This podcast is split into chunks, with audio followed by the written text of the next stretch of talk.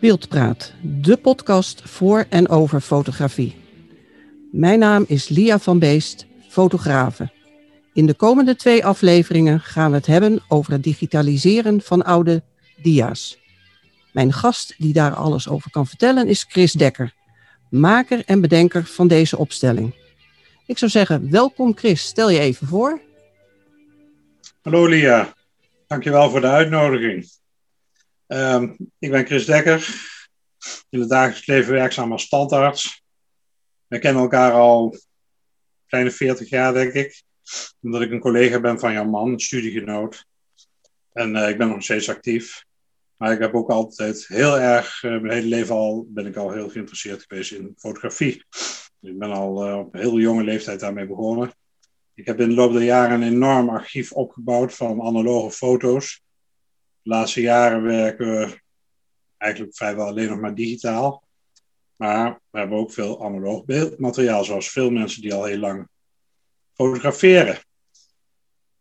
En ik had er behoefte aan om, um, om dat analoge materiaal uh, ja, een wat langer leven nog te geven voor, voor opnieuw te gebruiken.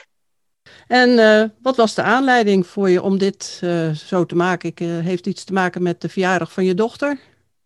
Klopt. Ik was uh, al langer van plan om een keer diasmaak uh, te dupliceren. Ik had daar wel mijn gedachten over. Ik heb daar in het verleden. Er zijn diverse mogelijkheden voor, zoals wel bekend. Uh, je kunt onder andere eenvoudige apparaatjes kopen om dia's te fotograferen met je camera. Je kunt een flatbed scanner gebruiken. Maar ik wilde een heel mooi fotoboek maken voor, mijn, uh, de 30-jarige verjaardag van mijn dochter. Met name een babyboek. En daar hadden we dus uh, uitsluitend analoge foto's van. Dat waren ook voornamelijk dia's. En ik, uh, ik ging voor de hoogste kwaliteit. In het verleden heb ik wel ooit wat pogingen gedaan, maar die waren nooit fantastisch. Maar ja, nu moest het uh, eventjes heel goed gemaakt worden. En toen heb ik dus een nieuwe opstelling verzonnen die na diverse modificaties uiteindelijk uh, geleid heeft tot het resultaat wat ik wenste. Ja, ja want jij bent er al, al heel lang mee bezig. En als we elkaar spraken, dan uh, iedere keer had je een nieuwe opstelling bedacht. En uh, het was dus ook niet 1, 2, 3. Maar je hebt heel wat ja, de revue laten passeren. Maar wat heb je zo al nodig? Wat, stel dat iemand dat ook wil, wat jij nu gemaakt hebt. Ik ben met digitale fotografie begonnen toen de eerste full-frame camera's betaalbaar waren geworden. En dat was in mijn geval een Nikon D700. Ik heb altijd al met Nikon gewerkt. Ik ben daar enorm liefhebber van. Mijn eerste camera was een D700, maar die heeft 12 megapixel. En als je dan um, die oude dia's gaat fotograferen, dan, dan zie je toch kwaliteitsverschil. Inmiddels heb ik ook een uh, D810. En die heeft een hogere resolutie zo hoog dat de resolutie hoger is dan de, de vlekjes op de dia. Dus daar kun je het mee doen. Alleen, de werkwijze. Um, ik, omdat ik dus niet gebruik wilde maken van zo'n standaard dupliceerapparaatje, uh, want er zitten enorme beperkingen aan, heb ik dus een soort opstelling zelf uh, gefabriekt. In de vorm van een soort statief. Maar je moet het eigenlijk anders zien. Dat is natuurlijk moeilijk te omschrijven. Ja, ik heb jou de foto's gestuurd van wat ik allemaal heb. Ja. Uh, ja. Het is eigenlijk een, een, een, zichzelf evoluerend proces geweest. Kijk, eerst moet jij. Um, je moet een één op één opname maken. Dat is het belangrijkste. Dus ik heb een. Uh, buiten de camera heb, ben ik ook in bezit van een 60 mm lens uh, 1 op 1 micro Nikkor 2.8. Die is uh, maximaal 1 op 1. En die kun je dus voor het dia zetten. Het probleem is alleen, hoe krijg je hem er goed op? Ik heb uiteindelijk een houten bak gemaakt met een, een stellage in, uh, waar ik de camera opschroef. Net zoals dat je hem op een statief zou zetten. Mm-hmm. Ik heb de camera. Ik heb een oud balkje wat ik had. Van Albinar. Dat heb ik al heel lang. Dat is eigenlijk ook bedoeld uh, voor gebruik op een camera. En daarmee kun je dus uh, een deel daarvan kan uitgeschoven worden om het uh, strijklicht uh, van opzij te elimineren. dat deel heb ik niet gebruikt. Het enige wat ik heb gebruikt is het um, houdertje waar de dia in gaat. Nou, normaal gebruik je deze opstellingen horizontaal. Dus dan zet je de camera op een statief, de dia ervoor en dan schijn je vanaf de achterkant licht daardoorheen. Ik heb al gemerkt dat dat problemen gaf. Met name vanwege het feit dat op het moment dat je de dia verticaal in een houdertje hebt zitten, dat ding niet altijd op dezelfde manier erin zit. Ja, dat moet gaat je schuiven. gaan diafragmeren. Wat zeg je, Lia? Dat, dat, dan gaat het schuiven, het diaatje. Ja, of, of het klapt uh, uh, verticaal iets op en neer, zodat je dus de ene onderkant wel scherp hebt en de bovenkant niet, of andersom. Dus ik heb uiteindelijk gekozen voor een, voor een opstelling waarbij dia horizontaal hangt en de camera daarboven hangt. Net als bij een vergroter. Dat heeft uh, wat dat betreft enorme voordelen. Er zijn ook uh, nadelen aan verbonden. Mm Nadeel is onder andere dat het veel moeilijker is om uh, door de camera te kijken. Want je moet naar bovenop het ding gaan kijken. Ja, ja. Maar heb, je, heb jij niet een, een, een klapschermpje op die D810 of, of zo? Nee, nee. nee de 810 okay. heeft een uh, optische zoeker. Uh, niet digitaal. Oké. Okay.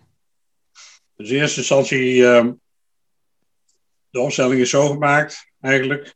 De camera die hangt dus met de lens naar beneden, boven dat balkje. Er zit een PVC-ringetje omheen om strijklicht te voorkomen.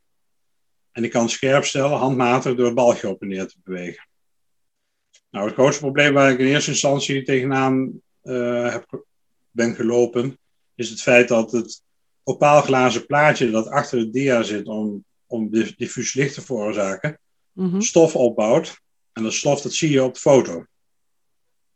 Dus uiteindelijk heb ik dat verwijderd. En ik heb een, um, een oud schermpje van een uh, ja, röntgenviewer gebruikt, wat ik ongeveer anderhalf centimeter eronder heb gehangen. En dat wordt aan de onderkant belicht door een vrij goedkoop dia, nee zeg verkeerd, een LED-schermpje wat bedoeld is uh, voor het gebruik op filmcamera's. Ja, ik denk dat iedereen uh, die dingen wel kent. Hè? die zijn van die, uh, van die light LED-panels. Je koopt ze voor weinig. Je hebt ook hele dure daarvan. Die zijn meestal oplaadbaar, maar met penbatterijen dan kun je daar redelijk goed mee uit de voeten, toch? Ja, het aardige daarvan is dat je hem kunt dimmen. Mm je kunt de, de kleurtemperatuur die, die is altijd hetzelfde. Dus je hoeft maar één keer in te stellen op de camera en dan is dat ook goed. Mm heeft een enorme bak licht. En door dat opaalglazen plaatje ervoor is het licht prachtig diffuus. En je hebt dus helemaal geen last meer van het stof. Daar was ik dus al van af. En dan het volgende punt. Hoe positioneer je de dia op de juiste manier? Als je namelijk een niet standaard opstelling hebt, dan moet je de camera dus uh, variabel boven de dia kunnen hangen. Dus ik heb ook een instelapparatuur erop zitten, zodat ik hem kan horizontaal en verticaal kan verschuiven. Mm het belangrijkste probleem is helaas wel dat de dia-raampjes, want ik ontraam de dia's niet, net kleiner zijn dan 24 bij 36 mm die het negatief is. Dat is een probleem dat je alleen maar zou kunnen oplossen door um, ontraamde dia's te gaan gebruiken. Maar dat wordt een ontzettend karwei als je 3000 dia's moet doen of 4000. Um, consequentie daarvan is dat je een uh, klein randje altijd krijgt, maar dat kun je natuurlijk heel simpelweg photoshoppen. Ja. En zeker als je al die foto's op dezelfde manier maakt, dan zit dat randje ook steeds op dezelfde plaats. Dus dat is niet echt een bezwaar. Uiteindelijk kan jij op het moment dat je de dia voor een fotoboek gaat gebruiken, toch bewerken. Ja, dus dat, dat is niet het grootste probleem. Het grootste probleem is, hoe stel je scherp? Ja, en daar heb je ook een oplossing maar voor. Daar heb ik uiteindelijk na diverse experimenten ook wat op gevonden, ja. Ja, want, uh, want hoe doe je dat? Jij hebt iets met uh, dat je het via een live view op je monitor kan projecteren. Hoe, hoe, en hoe is dat aanges... Ja, ik heb een heel groot ISO-scherm, 24 ja. inch. En uh, die kan dus op de HDMI-uitgang van de camera worden aangesloten. Mhm. En dan zet je op de camera de live view aan. En op het moment dat je hem, uh, de live view hebt aangezet, kun je hem ook nog een keer inzoomen. En dan pak je ongeveer 5% van het beeld. En dan kun je dus, nou ja, zo goed scherpstellen. Je ziet gewoon de ontwikkeld vlekjes van het dia. Dat is jouw scherpstelreferentie. Een enorm mooi resultaat. En, en doe je dat in een bepaald programma dan op de computer? Of is, is dat van Nikon? Uh, want bij Canon weet ik het wel. Nee, want op dat moment ben ik nog niet, uh, op dat moment ben ik nog niet met een programma bezig. Hè? Maar je bent daar een foto Oké, maar je zegt live view, dus die koppeling zit... Uh, kijk, ik ben dan leek even. Hè? Dus die koppeling tussen je camera en je ISO-scherm. Het is eigenlijk alleen een vergrote monitor, een vergroot scherm voor je. Ja, een enorm groot scherm. Het is natuurlijk ook live view. Bij een, um, een spiegelreflexcamera, dit is namelijk nog niet een hele supermoderne camera, heb je een optisch beeld. Normaal gesproken moet jij dus met jouw oog scherp stellen op dat beeld. En je kunt de scherpstelfunctie van de camera gebruiken, want die werkt heel goed, ook op dit soort dia's. Maar ik ga, um, het is natuurlijk veel comfortabeler om gewoon achter jouw camera te gaan zitten en niet bovenin dat ding te hoeven kijken, maar gewoon op je scherm zien wat je aan het doen bent. Moderne camera's hebben dus vaak de functie live view. Bedoeld als je bijvoorbeeld videoopnames met jouw camera wilt gaan maken, dan zet je hem op live view en dan kun je gewoon filmen, net zoals met een mobieltje. De camera die live view heeft, heeft vaak ook in HDMI-uitgang. Dus als jij een geschikte monitor hebt, dan kun je hem rechtstreeks aansluiten. Dan heb je het bewegende beeld. Maar goed, dan heb je hem op je monitor dat, dat beeld en dan heb je scherp gesteld. Maar hoe krijg je hem dan gedigitaliseerd? Nou, dan maak je dus gewoon een foto van dat dia. Ja, ja. Oké, maar dan gaat het niet rechtstreeks naar je computer. Dan sla je het op op het geheugenkaartje van de camera. Ja, inderdaad. Je maakt dus eigenlijk gewoon een foto van die dia. Oké, juist. Nou is het zo dat Ehm, ja, de, de, de, oplossing in de vorm van bijvoorbeeld van een flatbed scanner.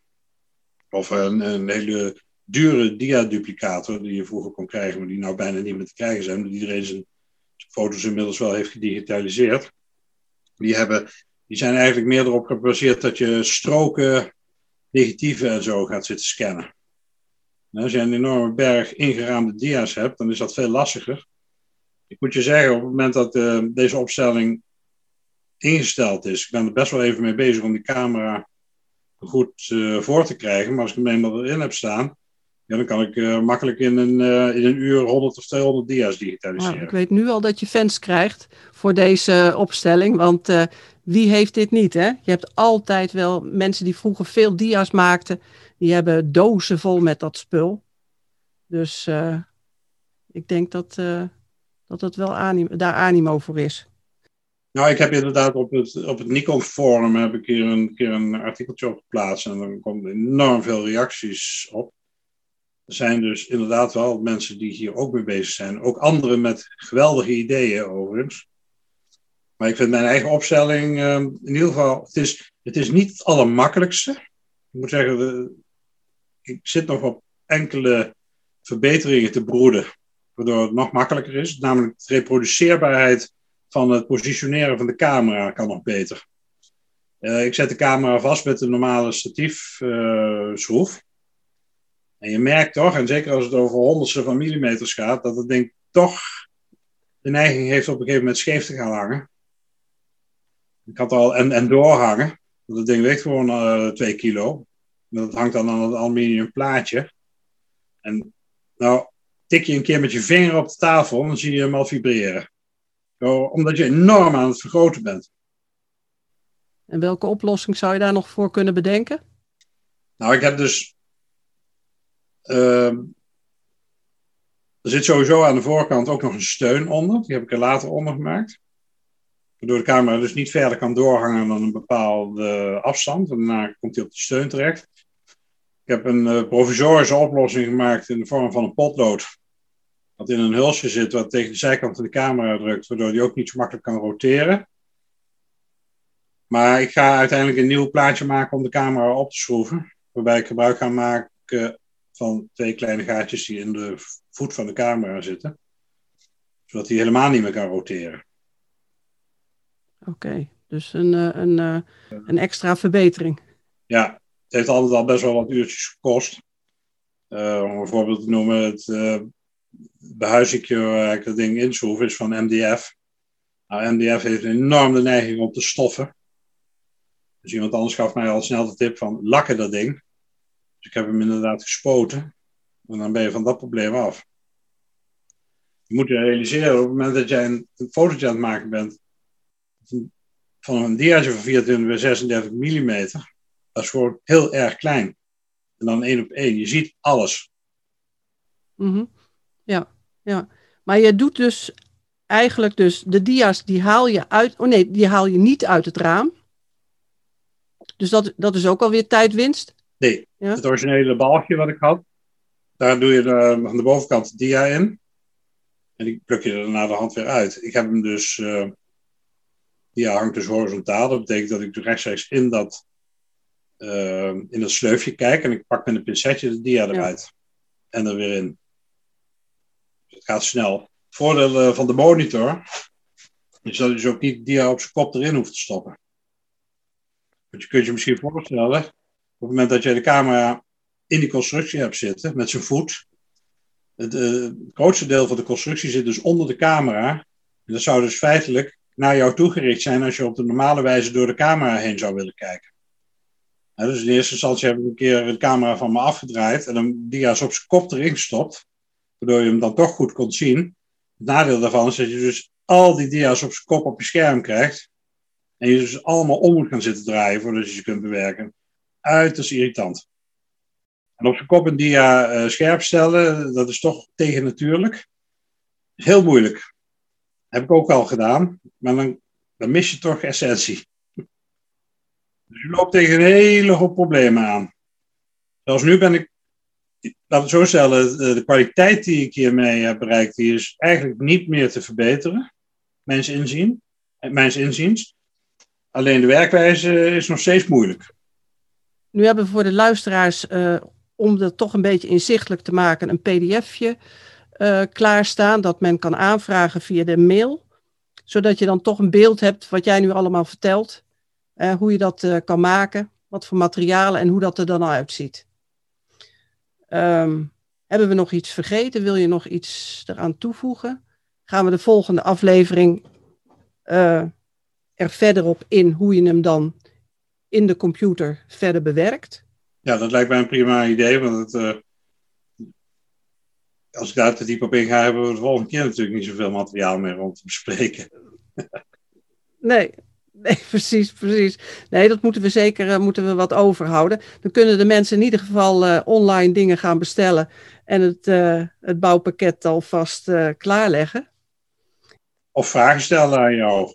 Ja, want dat, dat kan ook. Als eh, mensen nog vragen hebben over dit, eh, wat we tot nu toe besproken hebben, dan kunnen ze een mailtje sturen naar info.beeldpraatpodcast.nl. En dan kunnen we die vragen meenemen in de volgende aflevering. Goed plan? Lijkt mij prima.